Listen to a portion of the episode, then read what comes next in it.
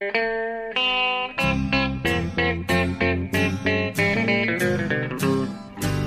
out there, we're on the air. It's hockey night tonight.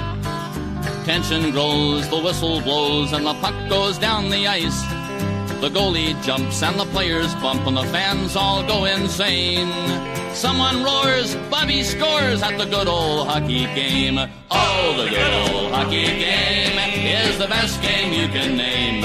And the best game you can name is the... Hallå, hallå, hallå, hallå, hallå, hallå, hallå, hallå, hallå där, hallå. Hallå och välkomna till NHL-podcasten eh, med Jonathan Bambi Ekeliv som vi hörde där i sin vanliga hallå-ramsa. På redaktionen på eh, centralstationen i, i Stockholm, Sverige.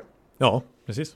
Eh, och så jag då, Per Bjurman, som eh, vanligt i New York. Eh, Mm. Jag var här sen, ja, sen i mars. Sen vi kom hem från Nashville, så har vi, eh, när vi var där på Watch It Live-resa. Sen dess har vi inte sett något annat än New York. Det är Nej. mycket underligt.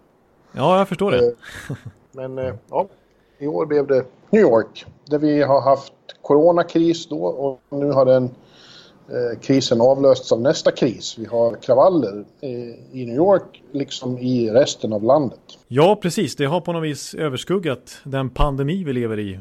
Eh, Ja. Och det har bara hänt sista veckan här sedan vi spelade in. Ja, det hände ju förra måndagen då att, att en eh, polis i, i Minneapolis eh, eh, ja, mördade George Floyd, som den svarte mannen hette på, på, på gatan där, i, på, inför rullande kameror i, i, Minneapolis. Så det var ju fruktansvärt att se. Det är fruktansvärda bilder att se. Ja, verkligen. Människan, han skriker efter mamma till slut och de fortsätter ändå trycka knät på halsen tills han dör. Det, det är ju, det är ju liksom en, Ja, det en slakt man får det är se. fruktansvärt. Ja. Ja, det är för jävligt. Och, och det har ju då utlöst enorma reaktioner i hela landet. Det var verkligen strået som fick kamelens rygg att gå av här. Eh, Ja. Och det här är väl egentligen inget man ska fördjupa sig i en NHL-podcast kanske.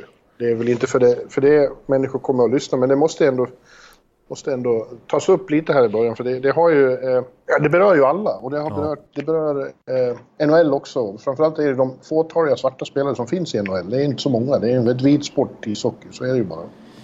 ja, Men de, som alla andra svarta i, på den här kontinenten, är, är ju förtvivlade. Rädda, arga, sorgsna. Eh, och de har ju nu som Evander Kane till exempel i San Jose har ju begärt stöd från andra och förståelse.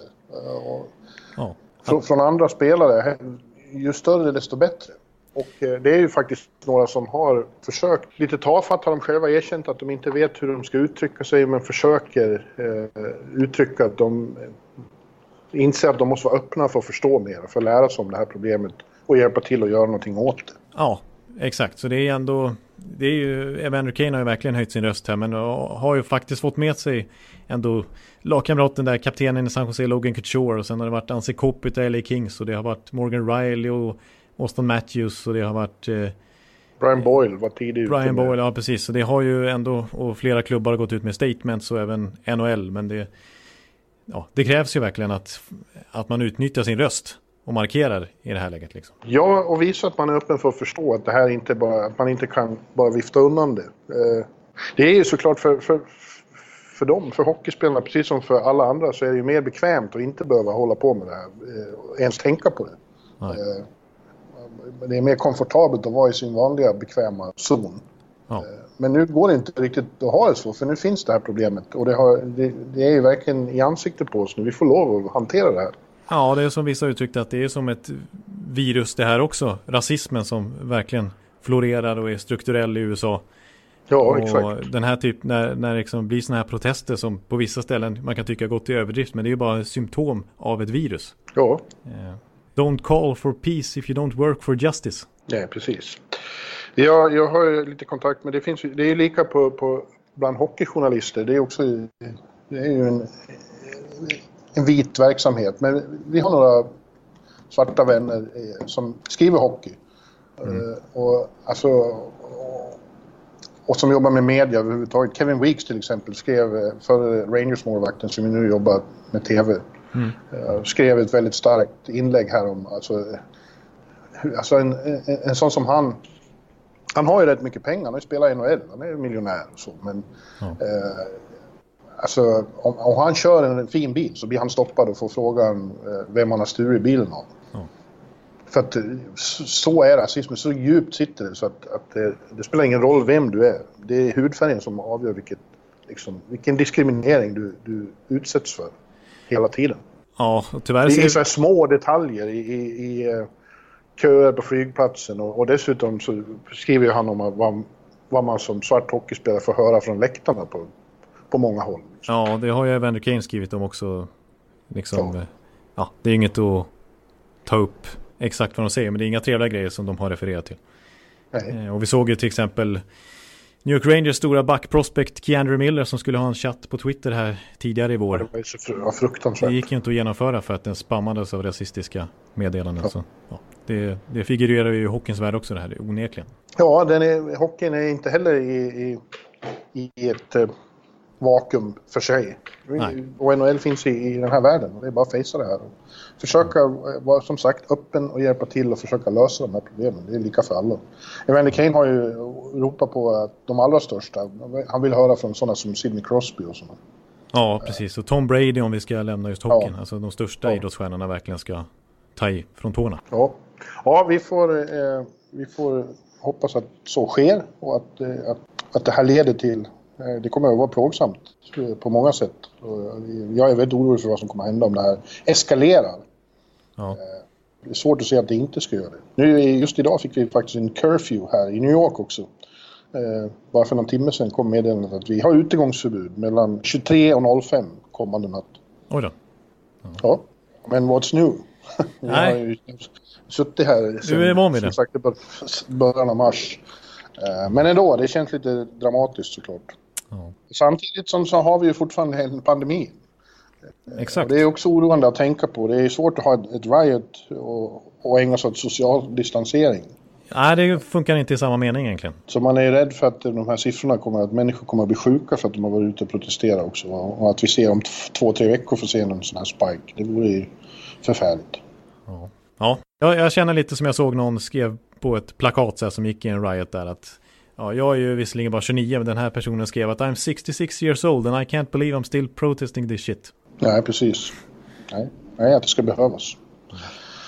Ja, och apropå eh, corona då så eh, vilar ju det också över hockeyn fortfarande och så sent som idag eh, så kom ju faktiskt Anton Strålman, eh, vår västgötske vän, ja. eh, gick ut med stora tvivel kring, kring den här återstarten.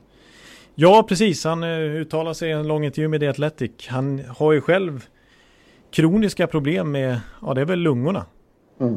Uh, och har ju, ja, framförallt för ett gäng år sedan så hade han väldiga problem alltså runt början av 2010-talet där. Och var borta mycket på grund av det. Och han är ju kroniskt sjuk som sagt. Uh, och vill absolut inte utsätta sig för covid-19 liksom. Nej, han är väldigt orolig för vad som skulle hända om han fick det. Men, men han är ju orolig även för andra. Ja, precis. Och hur man ska kunna kontrollera det här på ett säkert sätt. Även om NHL tar till alla möjliga medel och ett 23-sidigt protokoll som vi pratade om förra veckan och allt det här med restriktionerna i arenorna och ingen publik naturligtvis med betydligt färre staff och personal och så vidare. Men, men kan man verkligen minimera risken för, för smitta när den är så utbredd i övriga landet? Ja, nej, det där är ju väldigt viktiga moraliska frågor. Ja, det var just de där moraliska han ställde sig. Vem, vem tar ansvaret om, om den här smittan börjar spridas mellan oss? Liksom? Ja, det har ju, vi har ju varit inne på det flera gånger under våren här, du och jag. Ja. Även med testningen och sånt där. Ja, som ska kosta miljontals dollar naturligtvis. De ska ju testa spelarna var tredje dag pratas det om. Eller kanske till och med varje gång. På något sätt, i alla fall med temperaturmätning och sådär när de kommer in i arenan. Och träningsfaciliteter och sånt där. Men det, det går ju inte att 100% säkerställa det här. Så det blir ju en moralisk fråga helt enkelt. Det är just det som Strålman pekar på som då själv lider av en, en risksjukdom i, i sammanhanget. Ja. Det senaste jag har hört apropå, apropå det där med media är för övrigt att eh, det kommer att vara media på, eh, med på det här, men utanför bubblan. Det vill säga, ja, okay. man, man, kommer, vi kommer att kunna vara... Man kommer ju inte ha kontakt med spelarna då, utan få en egen ingång och sitta utspridda på någon slags, eh, på vanliga läktarplatser, omgjorda till eh, media workplaces. Ja. Eh, eh, tas, kommer inte testas men kommer tas temperaturer när vi ska in, in och, i hallen. Ja, det låter lite som man har sett i Bundesliga. Mm. Ja, men eh, kontakt med spelare de man vill intervjua kommer på något vis att ske med Zoom eller telefon eller jag, jag vet inte. Ja, just det. Ja, frågan om det är värt att vara på plats då? Ja, det är verkligen en bra fråga. Kanske, kanske inte hela tiden, det kommer inte att gå att sitta tio veckor i Las Vegas. Nej, nej. det kanske skulle uppskatta normalt sett om det var i, i en vanlig tid vi levde i. Ja, men ja. Kanske för mycket det också visserligen. Gick det att genomföra så skulle jag, då skulle man ju ha något hus där, liksom så här Airbnb. Ja, just det. Jo, det är sant. Ja, det är mycket, mycket frågetecken kring det här. Men, men eh, en nyhet som jag tänkte, ska jag ta den redan nu, eh, som ju hände efter att vi spelade kort efter att vi spelade in förra. Ja, det var egentligen på tisdagen och vi spelade in på måndagen förra veckan som det kom bekräftelse kring det vi pratade om då med 24-lagsformatet och sådär. Men så kom ju även någon slags förklaring av det här väldigt krångliga draftsystemet, hur det ska ja. gå till. Mm. Och när de gick ut med det så kändes det som att det skulle vara lättare att lära sig bygga en, en, en nyckelharpa än att förstå det här systemet. Ja, lite så faktiskt. Det var, det var, det var krångligt, men ja, man, man förstår fall. Jag måste säga att jag förstår. Jag ska se om jag kan förklara. Men du är lite smartare än vad jag är också. Nej, det vet jag inte. Just, nej, det, nej, det tror jag inte. När det kommer till siffror och komplicerade ja. ekvationer så då blir jag, då bara zoomar jag ut. Det är för komplicerat för min Borlänge-hjärna. Ja, Okej, okay. men ska vi se om jag kan få dig att förstå det här så får vi se om lyssnarna förstår också. Ska jag testa då? Så får Räkna inte med det i mitt Nej, det låter kanske som en tuff uppgift då, men ja, det kom ju i alla fall eh, nyhet då om hur draften ska gå till och det blir ju ingen draft i juni som det pratades om tidigare under maj. Att de hoppades kunna genomföra draften redan innan det här slutspelet börjar. Men eh, det var ju stark kritik mot det internt bland klubbarna så att det, det sket sig. De fick inte som de ville Bettman och sådär när de ville ha ett event redan innan slutspelet skulle dra igång. Eh, men det kommer alltså vara en, eh, ett draftlotteri då innan play-in-spelet och allt det här börjar. Den 26 juni ska det vara lotteri. Och då var ju det speciella då att det är fas 1 i lotteriet, att det kan bli en fas 2 i lotteriet. Men den första fasen går ut på att de här sju lagen som är borta från slutspel, eh, det är de som ska lottas framförallt då. Men det är, är ju även, normalt sett är det ju 15 lag som är med i draftlotteriet och nu är det ju åtta av dem som är med i plane-systemet. Eh, så de måste ju mm. på något sätt involveras i det här lotteriet också. Eh, och grejen är att så det, det, är, det börjar redan, det börjar redan snurra. Det börjar redan snurra. Ja, men alla de här 15 lagen är med. Vi, vi vet namnen på sju lag och de andra åtta, de heter bara, de heter inte Montreal och så vidare som de egentligen gör om man kollar på grundserietabellen. Utan nu heter de Team A, Team B, Team C. Eh, men de har samma liksom procentsats, alltså att kunna vinna lotteriet. Så att man kan säga så här att alla de här lagen från lag 8 till 15, de har sammanlagt ihop 24, drygt 24 procents chans att vinna draftlotteriet. Så de har ändå en, det är ändå en fjärdedels chans att de får första valet, något av de här lagen som heter Team A, Team B och så vidare. Eh, mm. Och det, vilka det blir, det avgörs av play-in helt enkelt. Att eh, de förlorande lagen i de åtta play-in-matcherna, de åtta lagen kommer med och blir de här äh, Team A, Team B, Team C, bla bla bla bla. Eh, de som åker ur. De som åker ur, ja precis. Och då kan man undra liksom vilket av de lagen ska få, om vi säger att Team B vann draftlotteriet. Eh, vilket av dem ska det vara i så fall? Och då, då kommer det vara så att eh, av, de åtta, av de åtta lagen som åkte ur eh, så blir det ett nytt lotteri mellan dem sinsemellan, mellan de åtta lagen som åkte ur. Och då är det samma sak som i, egentligen i en vanlig draft, att det lag som låg längst ner i grundserietabellen när det tog slut den 12 mars, de kommer ha högst procent chans. Och om Montreal förlorar mot Pittsburgh så blir det ju Montreal då som kommer ha högst procentchans. Och då kommer de ha 24 procent av de här lagen, sen det näst lägst rankade ja, laget 18, men hur, kommer de, kommer, då kommer inte någon av de där åtta, Team A och så vidare, de, de kommer inte ha chans på att vinna lotteriet så att de får första val. Jo då, det har de. Jaha.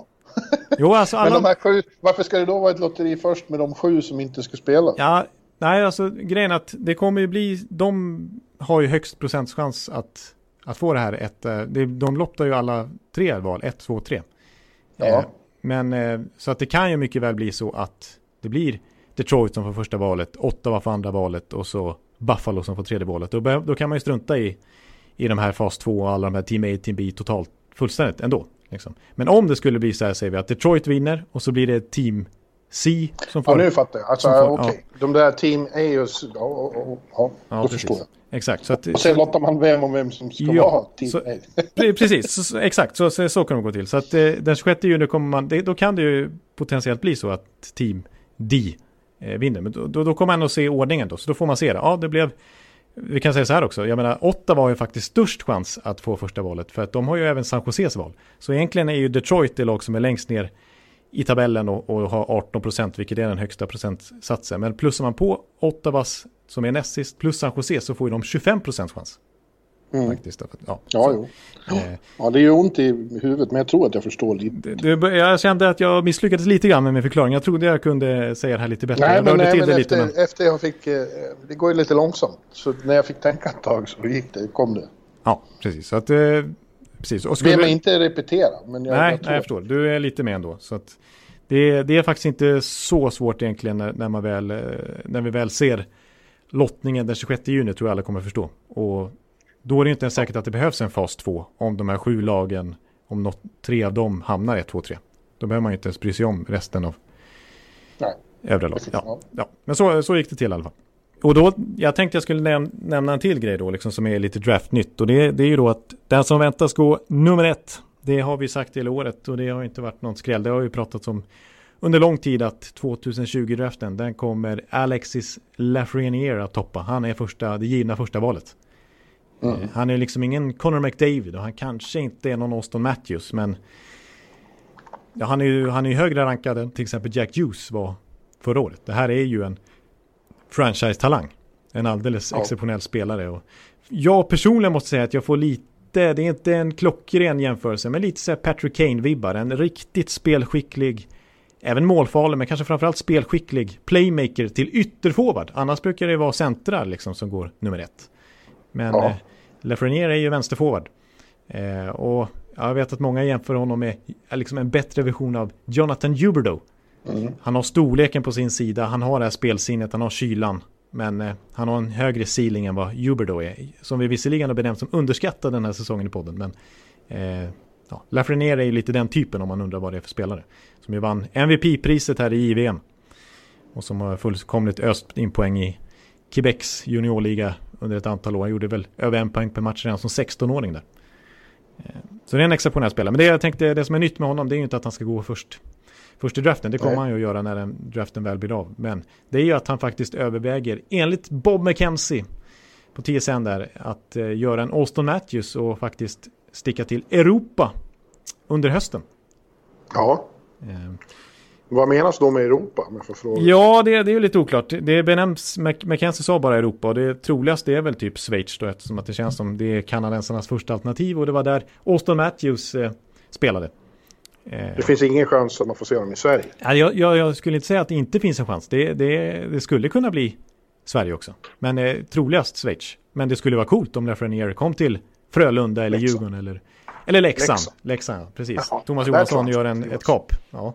Ja, Eh, kanske Niklas Eriksson, Eriksson din, din vän i Örebro, kan utnyttja sina gamla kontakter. det skulle vara häftigt om, om Niklas lärde känna honom. Det skulle ju vara jävligt bra. Ja, det skulle vara bra för dig.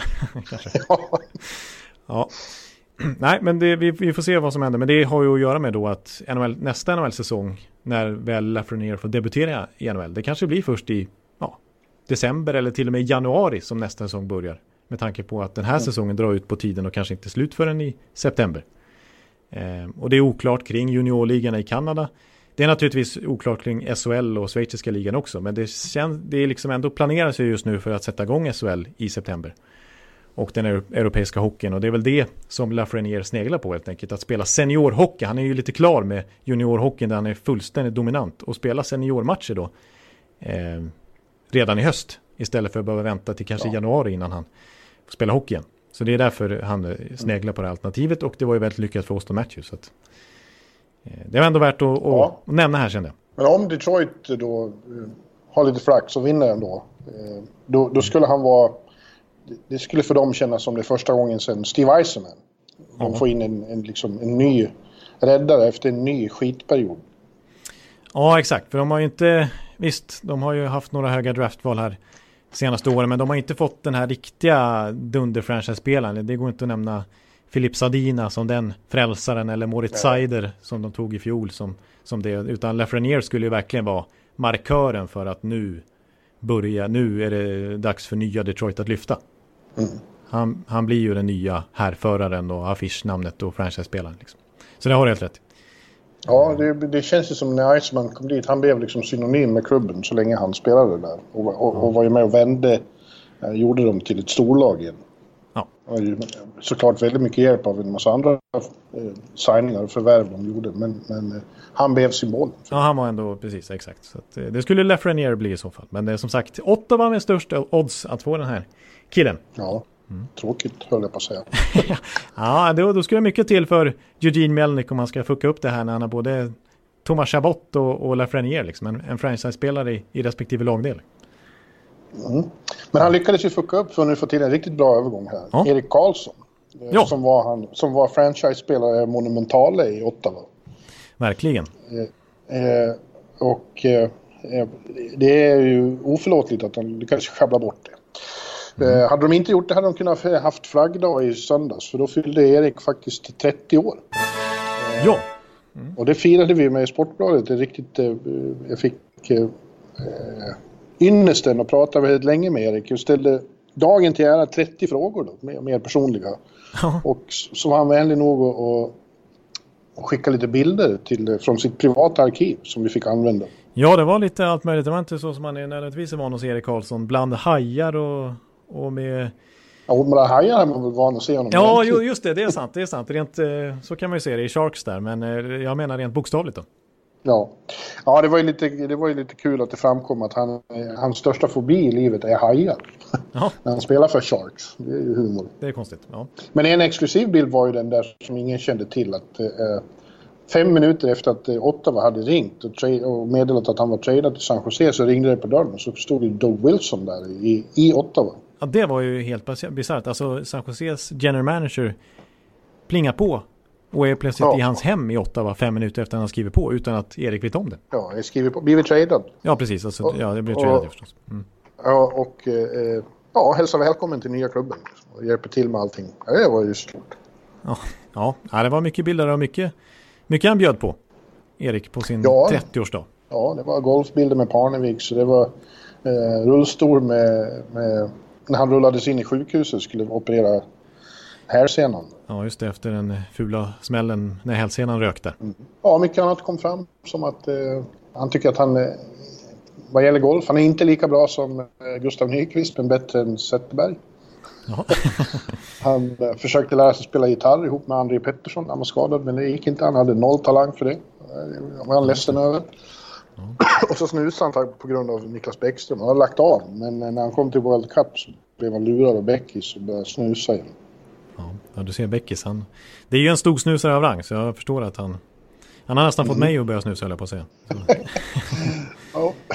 Va? Mm. Nej. Nej då. Nej, men, men när, när jag såg han, hur många prillor han hade och hur varmt han talade om och tjeckiskt fulsnus där så... Ja, det var ju det han bjöd mig på. Jag vart ju helt eh, snurrig i huvudet. Ja, det var så starka starkt. grejer. Ja. Ja. Det, det, var riktigt, riktigt snus. Ja, men så rent hockeymässigt så kom det fram en del andra så som eh, att han eh, tycker att eh, han tycker fortfarande att Sidney Crosby är världens bästa hockeyspelare till exempel. Ja, precis. Där, de flesta har väl lämnat den båten och hoppat in hos eh, Conor McDavid istället. Ja, men det var ju Nej, men han, han står fast vid det. Och han är också övertygad för egen del att han inte har spelat sin bästa hockey än. Att det har varit två struliga säsonger på, på grund av både personliga saker och trade och skador. Eh, men nu känner han att han får vila upp ordentligt bli hel och, och hungrig på hockey igen. Eh, och att, eh, och att det, finns, det finns ännu högre nivå att komma upp på för honom. Och det är ju intressant, för kommer han upp på högre nivå än vad han har varit förut, då är det ju Bobby Orr-nivå. Ja, då är det Bobby Orr-nivå. ja, precis. Ja, för jag har lust att understryka lite grann här hur bra Erik Karlsson är, för det känns som att man har glömt bort det kanske lite grann sista året när det är lite recency bias här och, och man ser att San Jose tokmissar slutspel här och, och Erik Karlsson har ett tufft år och lever inte upp till sitt kontrakt som han skrev då som dyrast av NHLs backar i hela ligan. Liksom. Eh, mm. men, men alltså det är ju bara att konstatera att ja, kanske är han definitivt om man bara ser till offensiven men det går ju att slå fast att han är cap-erans bästa back. Ja, för sig Niklas Lidström var ju med de första åren ett bra tag där. Men, Ja. men, så det, det, är ju, det är ju svårt att argumentera för. Men, men i alla fall offensivt sett är han ju rent statistiskt ganska överlägsen. Eh, Ja. Under hela 2000-talet så är han den som har bäst poängsnitt av backar i NHL. Eh, det, är, det är en ganska klar, men han är den enda som har över 0,8 poäng per match av, av backar som har lirat minst 200-300 matcher. Eh, de flesta har ju lirat Jag var ju uppe i åt- 82 poäng ett år. Ja, ja visst. Eh, under så är Det var hela... väl John Karlsson på väg åt det hållet ett tag i år, men nu blev det inte så. Nej, precis. Under 2010-talet, om jag bara zonar in på det, så gjorde han ju klart mest poäng bland backar. Klart mer än, än Burns och Carlson som du nämner och Hedman och Doughty och vilka man nu vill nämna, Roman Josie eller ja. Eh, och eh, drar vi in hela 2000-talet som sagt så är han ändå bäst poängsnitt. Jag menar då är Lidström tvåa. Burns är trea och det jag tyckte var lite intressant att, att konstatera är att, att faktiskt den som har fjärde bäst poängsnitt bland backar under 20, hela ja, sen millennieskiftet det är faktiskt John Klingberg. Jaha, ja. Och Hedman har vi på 14 plats som nästa svensk. Så att eh, Klingberg är högt upp där också. Men Lidström tvåa, men Erik Karlsson ganska given etta. Så att, ja, Ja. det är ju, alltså som sagt, offensivt sett så är det ingen som kan mäta sig med honom under hela det här millenniet. Nej. Och sen eh, mina, mina underliggande siffror ska jag gå in, inte gå in på mycket, för mycket på, men det är ändå imponerande hur otroligt starka siffror han har där och inte minst i offensivzonen när det kommer till att föra spelet. Och om man bara tar en enkel statistik som, som man brukar, det finns ju mer att titta på, men bara Corsi, det här klassiska skottförsök fram och bakåt, så har det bara hänt en gång under 11-12 år i NHL som Erik Karlsson inte har legat över 50 procent. Alltså det genereras alltid mer chanser framåt än bakåt på isen när han är där. Så att, Ja. eh, och även den här säsongen Det, faktiskt. det kan man nästan... Det ni, ni kallar ögontest. Ja, jo, det, det, det räcker bara att titta på Erik Karlsson så förstår man det. Men även den här säsongen ligger han faktiskt över 50 procent eh, trots San Joses miserabla år. Mm. Och nu är det ändå grundserien du tittar på, eller hur? Ja. Alla de här siffrorna. Ja. Då, då kommer ändå inte med det som är toppen av hans... Ja, grädden på moset eh, i hans Ja. karriär var ju slutspelet 2017. Ja, för det, det var ju på en nivå som är historisk. Den är ju, det är ju Bobby ja, det, ja, det var det verkligen. Han höll på att ta ett ganska, i övrigt, halvdassigt Ottawa till final. För att han var så jävla bra själv. Det var, det var den största individuella eh, showen man har sett faktiskt under de här åren. Jag, jag, jag kan inte erinra mig att en annan spelare har dominerat så oerhört i ett lag. Nej, precis. Och han var ju inne på isen hela tiden. Så det var ju verkligen han som drev bussen. Mm. Ja, och gjorde det på en fot dessutom. Ja, det var ju sensationellt att han egentligen inte kunde, knappt kunde åka skridskor. Och ändå så, så alltså han hade ju så fruktansvärt ont och ändå så, så spelade han på en nivå över alla andra. Eh, Ja. Och de var alltså bara ett mål ifrån. Ja, det var ju overtime. Från att slå ut Ja, eh, mästarna, Game 7. ja, mästarna Pittsburgh på bortaplan och gå till final. Ja. Ja, Ja, du. nej, så att eh, Erik Karlsson ska vi vara mer stolta över känner jag som, som svenska. Alltså vilken, vilken position han har i hockeyhistorien. Ja, han, får- han, det känns som han får inte riktigt den superstar-status han ska ha hemma eh, på Foppa och Sudden-nivå. Och det beror ju delvis på att han inte har spelat lika mycket landslag och att han ju liksom bor här. Han är Ja. inte hemma särskilt mycket. Nej, precis. Exakt. Men han är, ju, han är ju nästan där trots allt om man ser till meriterna och, Ja. och hur han har dominerat eh, under den här otroligt tuffa eran också när det ändå är trots allt 31 lag och betydligt större konkurrens i NHL. Ja, och jag tror dessutom, jag, jag minns det som att när vi var i Sochi på 2014 där, att, att han slog igenom i folkhemmet då också för att han var så charmig och rolig i alla tv-intervjuer. Ja, precis. Ja, det är ju, det är ju en speciell figur. Men jag skulle vilja läsa hans bok känner jag. Det känns som att han har verkligen material för att skriva en bok, en biografi. Ja. Bara som Ja, han... vi får göra det ihop. Ja, precis. Ja, jag tycker det. Eh, nej, men bara som man har läst lite om hans... Ja, allt, allt han in, innan han kom till NHL i Frölunda och Södertälje och kontraktstvister och skolan och allt vad det var. Man, man har läst till exempel hur, hur de på internatet där i Södertälje hur de drog in ett träd i en kompis rum. Ja, det finns så, så många bra sådana historier. Men det är också roligt att höra andra. Som när Kronwall berättar den här historien. Det var någon av landslagsturnéerna, om det var World Cup eller, eller Sochi. Eh, Mm. när det var precis, han höll på att ställa till det totalt i, i, i egen zon. Ja. Eh, och siste man och började dribbla och, och tappa pucken och, och så här. Och de kommer tillbaka till båset och han bara tittar på Kronwall och flinar. Här var det nära du. ja, precis. Ja, nej, han inte, inte så här livrädd för att det blir fel. Men, äh, vad fan, det ordnas. Ja, det har ju varit hans inställning under hela karriären. Det är väl det väl Stefan har gjort så fruktansvärt mycket poäng också. För att han vågar ju. Eh, Ja. Vågar ju spela på gränsen. Ja, han lär dyka upp på den eh, topp 50-lista jag håller på med. Det, det är väl inget... Eh, Hemlighet. nej, eh, och den eh, kör vi vidare med. Denna måndag hade vi, har varit 33-34, Filip Forsberg. Eh, Ja, just det.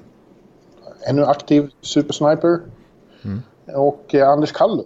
Just det. Eh, som eh, lite, lite eh, känner jag bortglömd i, i, i Sverige. Man, man har bättre koll på, på hans döttrar där. Eh, Jenny och Sanna Kallur som ju var exceptionellt duktiga i friidrott. Jo, det Eh, vet vi. Men pappa stod ju faktiskt för något helt annat. Han var inte bara... Han var ju med i hela New York Islanders eh, eh, dynasti där i början av 80-talet. Ja, Och inledde alltså sin NHL-karriär med fyra raka Stanley Cup. ja det, är, det är klass. Då, Ja, då har man vant sig vid det. Ja. Det, det Så det han förtjänar normala. lite, han förtjänar lite cred tycker jag. Och eh, fick ju det där Thomas Jonsson, gamla lagkamraten, som berättade om... Han var med i, KGB-kedjan där med Butch Goring och Bob Bourne. Ja. ja, det är ingen dålig kedja bakom storfräsarna med Trottier och Bossy. Nej, eh, Goring vann ju faktiskt Conn Smythe då fram, andra året, 81, när han tog den andra. Då var det den kedjan som var bäst. Ja, fortfarande när, när jag var på... eh, Du var ju med på den också i allra högsta grad och satt på pressläktaren. Jag satt på vanliga läktaren där när Tavares återvände till Islanders. Eh, Då var det ju många som hade kryssat över Tavares 91 och skrivit Goring istället. Ja, För att han hade ju också 91. Det, nu, nej, nu är, visar minsann att en annan 91 är störst i den här klubben. Men tänk dig, tänk, dig, tänk dig de där åren. Islanders vann ju alltså 16 slutspelsserier i rad. Ja, de var ju fullständigt överlägsna. Det är ju det, är otroliga. Man måste ju vinna fyra serier varje år för att ta Stanley Cup. Och de förlorade inte en serie på, på fyra år. Ja, det, det är sjukt alltså. A lot can happen in three years, like a chatbot may be your new best friend. But what won't change? Needing health insurance. United Healthcare Tri Term Medical Plans, underwritten by Golden Rule Insurance Company, offer flexible, budget friendly coverage that lasts nearly three years in some states. Learn more at uh1.com. Så, ja. Ja, Kallur är ju, han var ju en rollspelare som, alltså han var ju inte en av de bärande spelarna så, men han var, fyllde en viktig funktion också. Han spelade mycket boxplay och gjorde ju väldigt massa mål i boxplay. Han, Ja. eh, Jag vet att många, som du säger där, dels Stefan Persson som också var med på tåget, men andra av de där Goring och Bosse och så vidare har lyft fram Kallurs betydelse också i den rollen han hade. Liksom, att de verkligen köpte sina roller. Det var därför de var så fungerande som lag.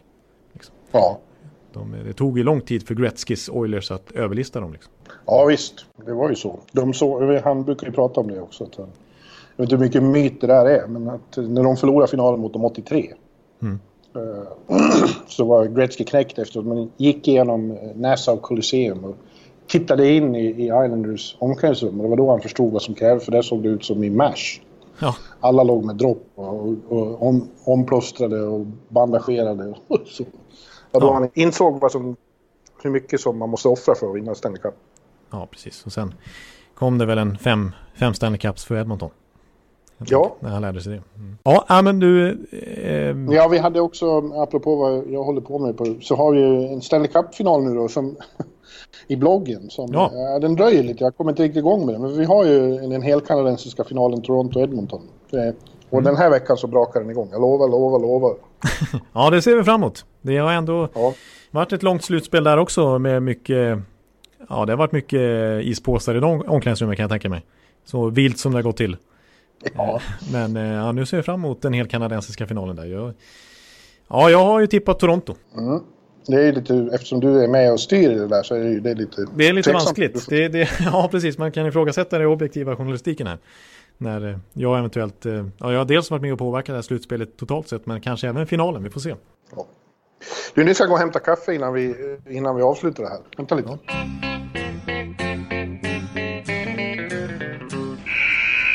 Ja, nu hämtar jag kaffe och den här gången så valde unge herrn tydligen inte att hålla någon monolog utan han klipp, klippt ihop det här. Ja, Jag det här bara nu- klippt smack. Det här, nu gick det på fyra sekunder i, i podden som ni precis lyssnade på. Men egentligen tog det här, det här tog väl en 15-20 sekunder. Ja, och det var ju synd att du inte pratade. Det finns ju lyssnare man förstås som gillar den här lilla eh, eh, solo, framträdandet av dig. Ja, ja ingen, nej precis. Nej, det har inte blivit något sånt. Jag kanske får åter börja med dem igen. Börja sjunga eller någonting. När jag klafsar bort och hämtar kaffe.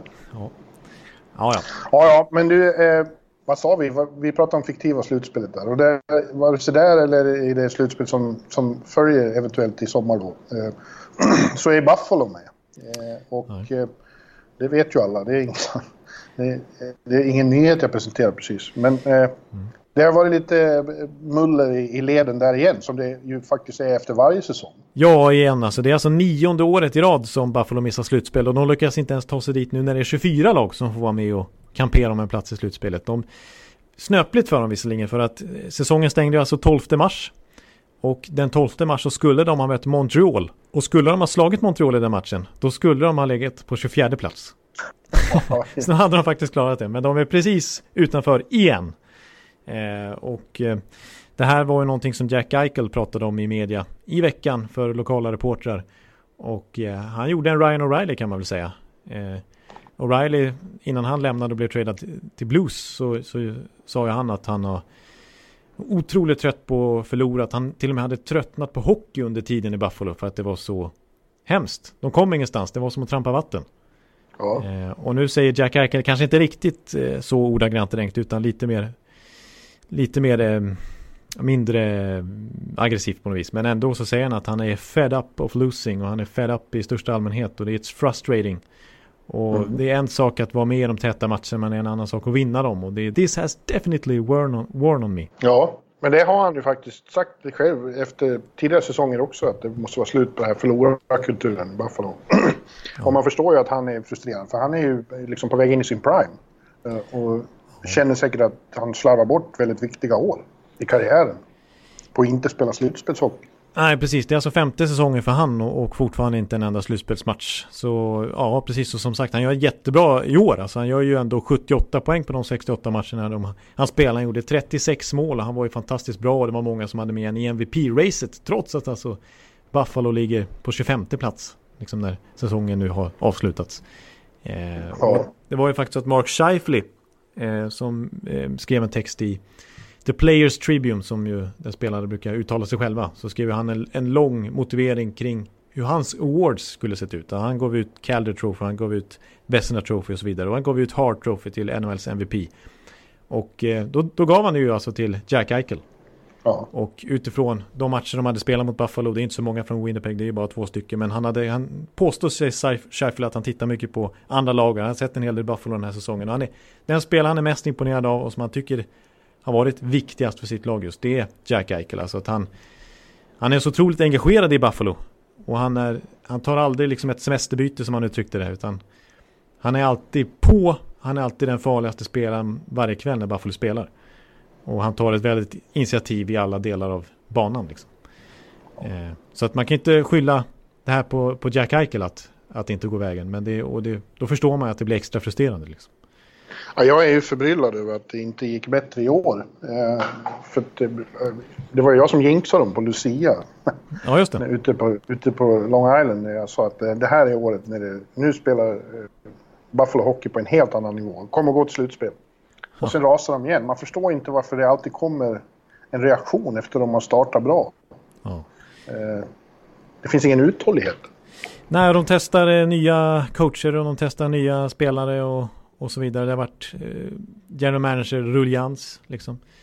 Men mm. eh, ska jag peka på en grej som är ständigt återkommande i den här decenniumlånga slutspelstorkan. Så det, det, det är ju faktiskt så att mycket härstammar ifrån vad som händer uppe i, på äg, högsta upp på kontoret, liksom ägarna och sådär. Det känns inte som att Pegulas, ägarduon där, paret, Terrence och Kim är så de är inte liksom Eugene Melnick, men de är ju ja, det är rörigt. Och de är mm. ovänner med fansen och det, det tog tid för dem till exempel nu att eh, eh, vika sig och ge betalt till staff som inte får arbeta resten av säsongen. Sån här, ja, det, det, är mycket liksom okänsliga grejer som, som händer gång på gång i Buffalo. Eh, och de är, tappar tålamodet och, och, och ser till så att det sparkas general managers och coacher hit och dit. De lägger sig i och så vidare. Så jag, jag tror att det är mycket har att göra med det. Alltså de, de lagen som är i toppen, det är oftast de det har, det har ju mycket att göra med väldigt många faktorer. Men alla har ju nästan, det är ju nästan alltid en stabil ägarsituation. Mm. Som, som, är, som är grunden till att sen liksom sippra ner hela systemet. Eh, så det, det, det är väl det stora problemet skulle jag säga, Pigulas alltså. Eh, sen är det klart att Jason Bottrill har inte gjort massa kanontrader och han skulle väl se om Ryan O'Reilly kunde vara problemet där eftersom att det gick tungt för han i Colorado på slutet och missade slutspel och det blev inget bättre i Buffalo. Men så när han väl trädar bort honom och inte får så mycket utbyte då går han och vinner Conn Smythe och Stanley Cup med St. Louis. Ja. Eh, eh, och så här, ja, de lägger 9, 9 miljoner dollar nu på, på Jeff Skinner inför den här säsongen. Han är ju en dunderflopp till och med i år i alla fall och, och bara gör 23 poäng och faktiskt utkonkurrerad av Viktor Olofsson som är ett av få utropstecken om en plats i första kedjan där in till Eichel. Och ja, det, det, är ju ingen bra investering så att säga. Att lägga 9 miljoner på en spelare som till och med har suttit som helt i scratch ibland. Nej. Så det är spret, spretigt där i, i Buffalo. De har väldigt fina juveler att, i sin samling där med Rasmus Dahlin och, och eh, Eichel inte minst. Och så även Olofsson som kom som en liten bonus den här säsongen. Ja, Men, så lite heller. Nej, verkligen inte. Men eh, det, ja, jag som sagt pekar allra högst upp där som det stora problemet. Ja, ja. ja jag, jag tror ju att eh, man ska ha lite tålamod och ge den här truppen en chans till. Jag, tror, jag tycker mig ha sett att det finns något där. Ja, Eichel sa i alla fall att han är väldigt nöjd med Ralph Kruger som coach. Mm. Att det, vi ska inte byta coach igen utan Ralph är bra. Så att det, han är inte problemet utan han är snarare en lösning.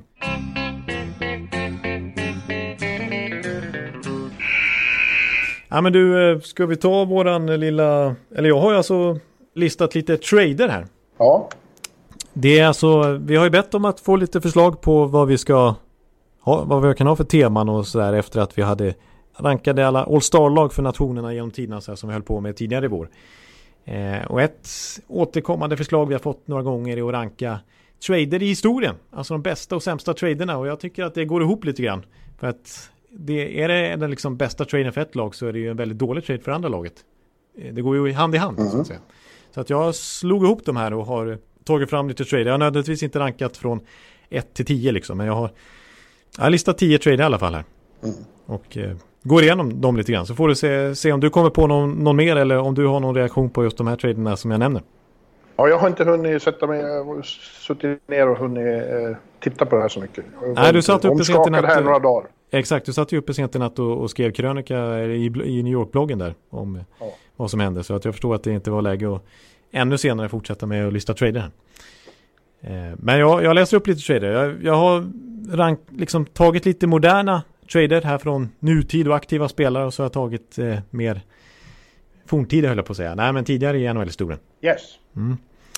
Eh, så jag kan börja med lite gamla trader då. Eh, vi har ju till exempel Ja, den första jag skrev ner var faktiskt eh, Cam Neely-traden till Boston från Vancouver. För det kanske man glömmer bort att Cam Neely som är en sån Boston-ikon och team president till och med numera.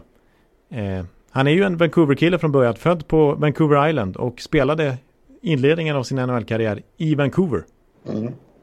Och så hade han en riktig mardröms, en riktig mardrömsvecka måste man säga. Vad var det? Sommaren 86 någonstans där. Och eh, mm. Dels så blev båda hans föräldrar diagnostiserade med cancer. Och dels samma vecka så blev han tradad från sitt Vancouver till Boston. Ja. Så att det, ja, det är ingenting han refererar till som liksom fantastiskt direkt. Utan det var ju mardröm, mardröm. Så som det blev att liksom lämna föräldrarna i Vancouver då och flytta till, till Boston. Eh, men det blev väldigt bra för hans karriär i alla fall. Alltså han, eh, och dessutom var det faktiskt så att han blev tradad ihop med ett första runda val till Boston mot Barry Peterson. Och Barry Peterson tror jag inte många kommer ihåg eller känner igen idag, det namnet. För det eh, lämnar väl inget enormt avtryck i NHL-historien. Han gjorde en fantastisk säsong några år tidigare innan han började drabbas av skador. Han gjorde väl så här uppemot 120 poäng någonting eh, och var ett stort namn då. Men i Vancouver så efter sina skador så, så blev det ju aldrig någonting och han studsade runt i massa andra NHL-klubbar efter det dessutom.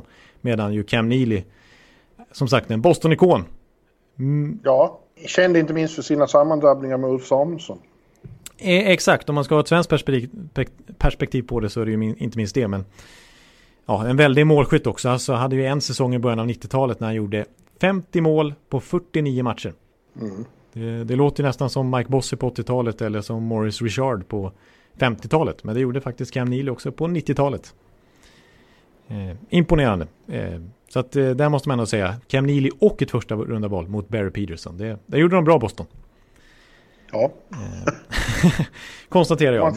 Så, det, det, det är ju ändå en historisk trade. Sen eh, tog jag upp Teemu Selänne när han blev tradad från Winnipeg som då skulle flytta till Phoenix. Han blev tradad från Winnipegs organisation till Anaheim. Mm. Eh, och det var, och då kan man undra vad utbytet var. Det var Oleg Tverdovski och Chad Kilger. Och så var det draftval och sådär. Men, men eh, det är inga namn som Nej. sjunger till i NHL-historien sådär som är på samma nivå som Sällande direkt. Så där gjorde verkligen Anaheim ett kap. Och då kan man undra varför gjorde de den här traden Winnipeg från första början då. Men faktum är ju att Tverdovski nyligen då hade gått som tvåa i draften så det, han var ju superhypad back. Och så Chad Kilger hade gått som fyra i draften något år tidigare också. Så att det var ju två supertalanger som byttes mot Teemu Selänne. Eh, och faktum är att Winnipeg, varför skulle man ens trada Teemu Selänne? Ung superstar som i sin rookie, rookieår hade satt rekord med 76 mål. Varför ska de trada honom mitt i sin prime? Eh, ja, det var så. De, det var ju lite stökigt där när de skulle flytta till Phoenix och de fick nya ägare och sådär. Och eh, de hade påstods att de inte hade råd med de tre största forwardsstjärnorna de hade. Alla tre, alltså Keith Kitchak, Alexej Shavnov och Teemu Selänne. Och då var det så att lagläkaren i Winnipeg var superorolig för Sellänes knä. Eh, så att han trodde att eh, det där kommer inte hålla över tid. Selläne kommer åka på en allvarlig knäskada och det kan jäcka honom hela karriären. Så att ska vi träda bort någon av de här tre så är det nog ändå Selläne. Eh, och det håller vi lite hemligt också så att det inte kommer ut för då kan vi få maximera hans värde liksom. Så så blev det och Sellener blev superbesviken för han, de nya ägarna som skulle flytta klubben till Phoenix de hade ringt upp honom på en matchdag och sagt att skit i alla rykten om dig. Du, kom, du är en superviktig del av Winnipegs och Phoenix framtid. Och så blir han tradad kort senare. Men eh, ja, det vet vi idag att, att Teemu Sellen är ju en Anaheim-ikon och en NHL-ikon. Och den där traden skulle de aldrig ha gjort. Nej, det var eh, big mistake. Ja, det var... Du, jag tror inte du säger emot och säger att nej, det var bra business av Winnipeg. Nej. eh, ja, sen kan man ju ta, jag tycker man, alltså vi skulle verkligen kunna ta upp Gretzky-traden då naturligtvis. Eh, men den är ju så klassisk och den var ju speciell. Så att, ja, jag, jag ja. väljer att skifta fokus till Mark Messier när de tradar bort honom till Rangers. Ja. Eh, det, då kan man undra vilka var det mot? Ja, det var Bernie Nichols, Steven Rice och Louis DeBrusk och så var det lite draftval på båda sidorna inblandade. Men det är inte heller namn som sjunger till i hockeyhistorien och som eh, ja, man på något sätt kanske säger att det var värt för Edmonton att göra den här traden. De tradar bort sin lagkapten Mark Messier som hade tagit över efter ja, Gretzky. Vad var, vad var argumenten till det då? Ja, men det var väl lite grann att Messier själv ville bort också. Han var besviken. Ja. Det liksom kändes som att hela Edmonton upplöstes där lite grann successivt efter att Gretzky hade lämnat. De vann ju en till Stanley Cup 1990 med Messier som kapten. Ja. Men sen bara dog ju hela, hela den dynastin. Och... Ja, det var en väldigt lyckad trade för Rangers, that's for sure. Ja, det var precis. tack vare, tack vare kapten Messier de vann 94. Exakt, och det tycker jag är coolt för, för Messiers eh, legacy liksom att eh, han vann ju en väldig massa Stanley Cup som one-two punch andra center bakom Gretzky. Men när han försvann Gretzky då vann han ytterligare en kupp som härförare i Edmonton och sen dessutom lyckades han bryta Rangers 54-åriga Stanley Cup-torka och ta en kupp där också. Ja. Så att eh, det säger ganska mycket om hur bra han var. Och vilken Men sen vart ju han tradad på nytt, eller han har ju Vancouver. Ja, han hade ju Vancouver och sen kom tillbaks. ja. ja det... Eh, men det var ju också han som ville till Vancouver, han fick mer pengar där. Ja. Men det var en lite mer misslyckad utflykt. Där blev det inga Stanley Cup. Nej, det blev det inga Stanley Cup. Nej, så, så var det Ja, nej men det var ingen lyckad deal det här av, eh, av Edmonton i alla fall. Bernie Nichols var, hade alltså gjort 70 mål några år tidigare i Kings, så det var ett stort namn. Men han, jag tror han bara stannade två år i Edmonton, Edmonton innan han försvann igen. Så att det, blev, det blev ingenting av den där traden. Däremot så kan jag bara nämna då att eh, för något år sedan så bröts ett träd av efterföljande trader som kunde härledas ända tillbaks till den här traden mellan Edmonton och Rangers på början av 90-talet. Alltså. Eh, som var lite kul. Det avslutades med att Ryan Spooner blev wavad av Edmonton. Det, då, då dog det trädet, alltså Ryan Spooner förra året, 2019. Jag ska, lä jag ska läsa det snabbt hur det gick till. Det var alltså så att Steven Rice var en av komponenterna som kom från Rangers till Edmonton för Mark Messier. Eh, Steven Rice eh, skrev sedan på som liksom restricted free agent eh, för ett annat lag och då fick Edmonton Brian Marchment för det funkar lite så i någon slags kompensation, inte en riktig trade utan som kompensation för det. Brian Marchment eh, försvann senare mot Roman Hammerlick i en trade som sen blev Eric Brewer, som sen blev Chris Pronger, som sen blev ett första runda val i draften och där tog man Jordan Eberly, som sen blev Ryan Strome, som sen blev Ryan Spooner, som sen till slut blev Wavud och så var den, den, den kedjan bruten. Ja, det är fantastiskt. Ja, så den levde nästan, ja, nästan 20 år helt enkelt. Ja. Coolt. Ja.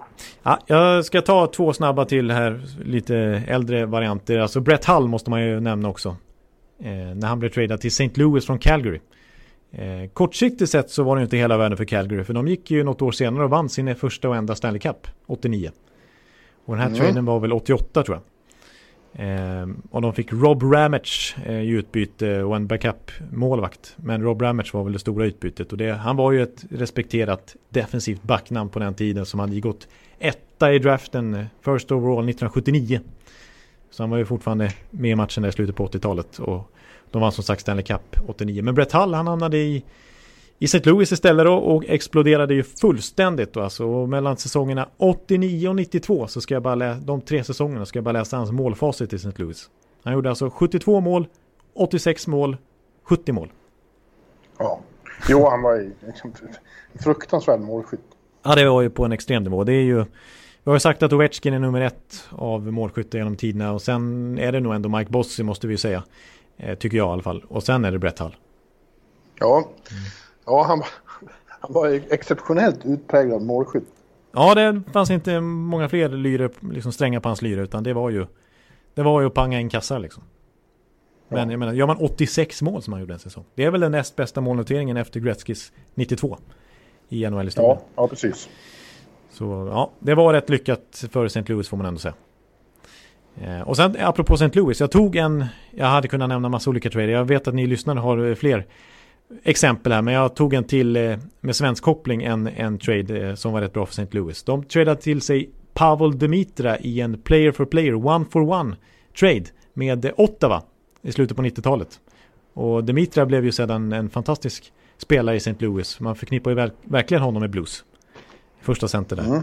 Eh, vet vem de tradade för att få till, eh, till Ottawa för att få Demitra? En mot Vilket en. år är det? Ja, det är någon mitten, slutet av 90-talet. Uh, nej. Christer Olsson.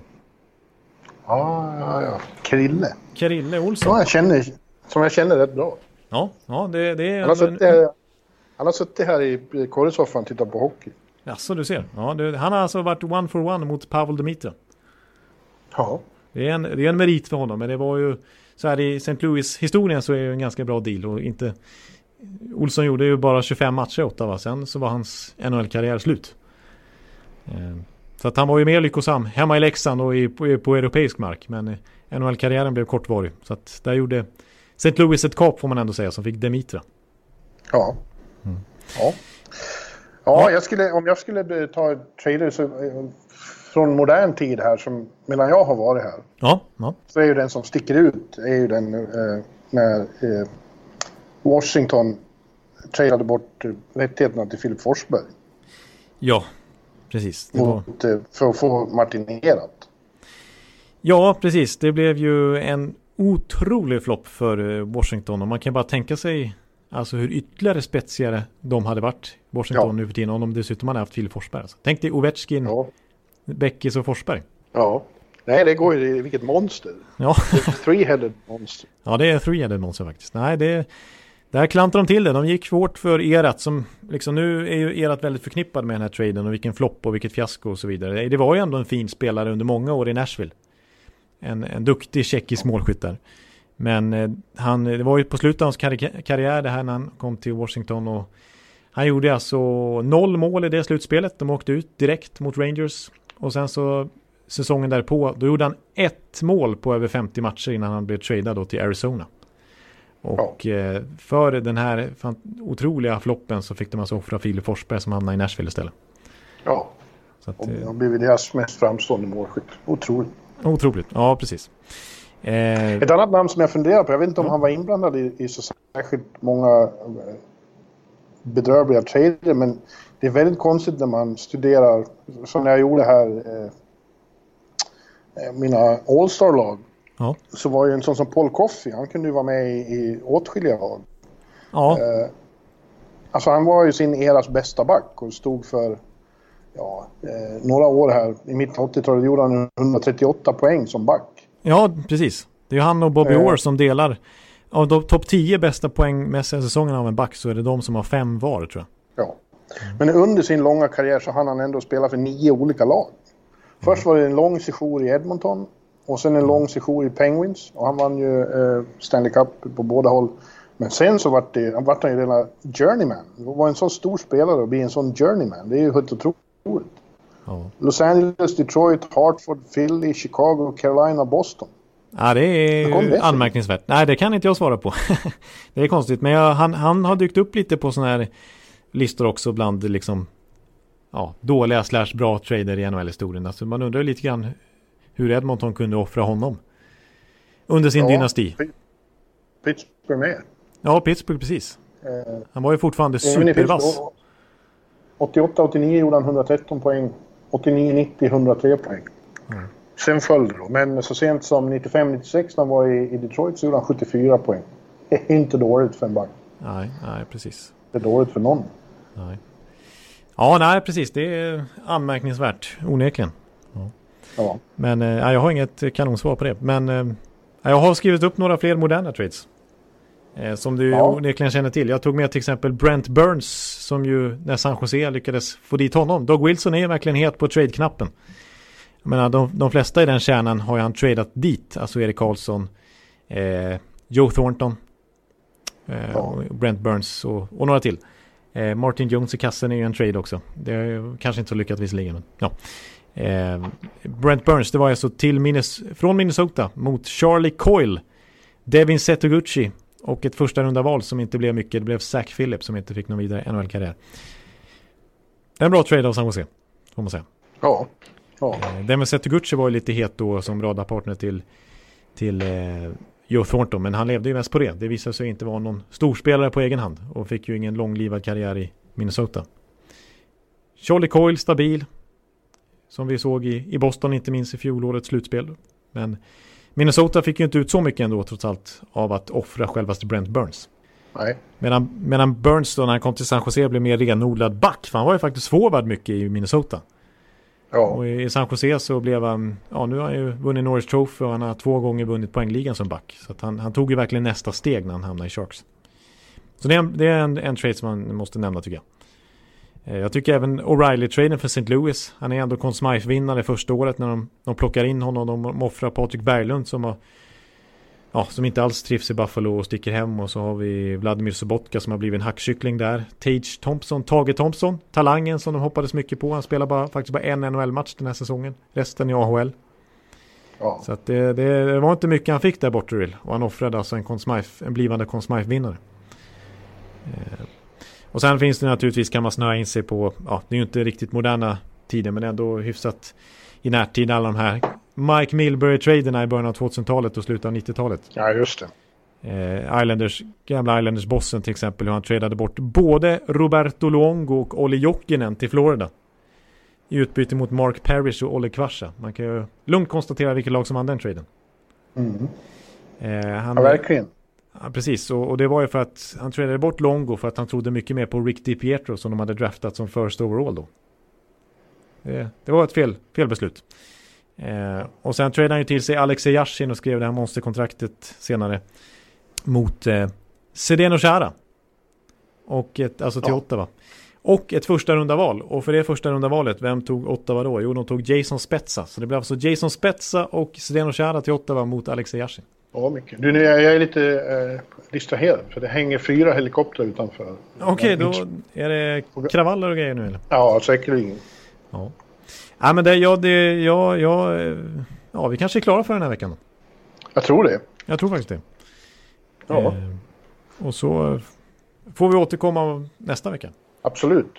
Vi hittar på något kul då med. Ja, precis. Och fortsätt eh, komma med förslag om ni, om ni har något. Vi har fått en hel, en hel del. Så vi har ett lager som vi kan välja att vraka ifrån. Men det är, det är kul att fylla på det lagret och, och ha lite alternativ. Ja. ja, men eh, för den här veckan säger vi tack och adjö. Ja, det gör vi. Ja, hej hej! Hej, hej! Hallå, hallå, hallå! Hallå, hallå, hallå! Alex Chiazot, Joe Luis Arena och Esposito. Esposito. Uttalsproblem, men vi tjötar ändå. Och alla kan vara lugna, inspelningsknappen är på. Bjuder Hanna Kohl, han är grym i sin roll. Från korrespondenten har han fullständig kontroll på det som händer och sker. Det blir ju allt fler som rattar in hans blogg. Och lyssna på hans podd. One, two, three, speed, so Hallå, hallå, hallå! One, two, three, speed, so Hallå, hallå, hallå! Ekeliv, som är ung och har driv. Verkar stor och stark och känns allmänt massiv. Han hejar på Tampa och älskar Hedman. Sjunger som Sinatra. Ja, och där ser man. Nu är det dags för refräng. Dags för magi, Victor Norén. Du är ett geni. Så stand up at home and remove your hats. Höj volym, för nu är det plats. One, two, three, speed, so Hallå, hallå, hallå! One, two, three, speed, so Hallå, hallå, hallå! One, two, three, speed, so Hallå, hallå, hallå! One, two, three, speed, so Hallå, hallå, hallå! Det är otroligt länge sedan båda samtidigt var så här bra. Hallå, hallå, hallå! Det är otroligt länge sedan båda samtidigt var så här bra.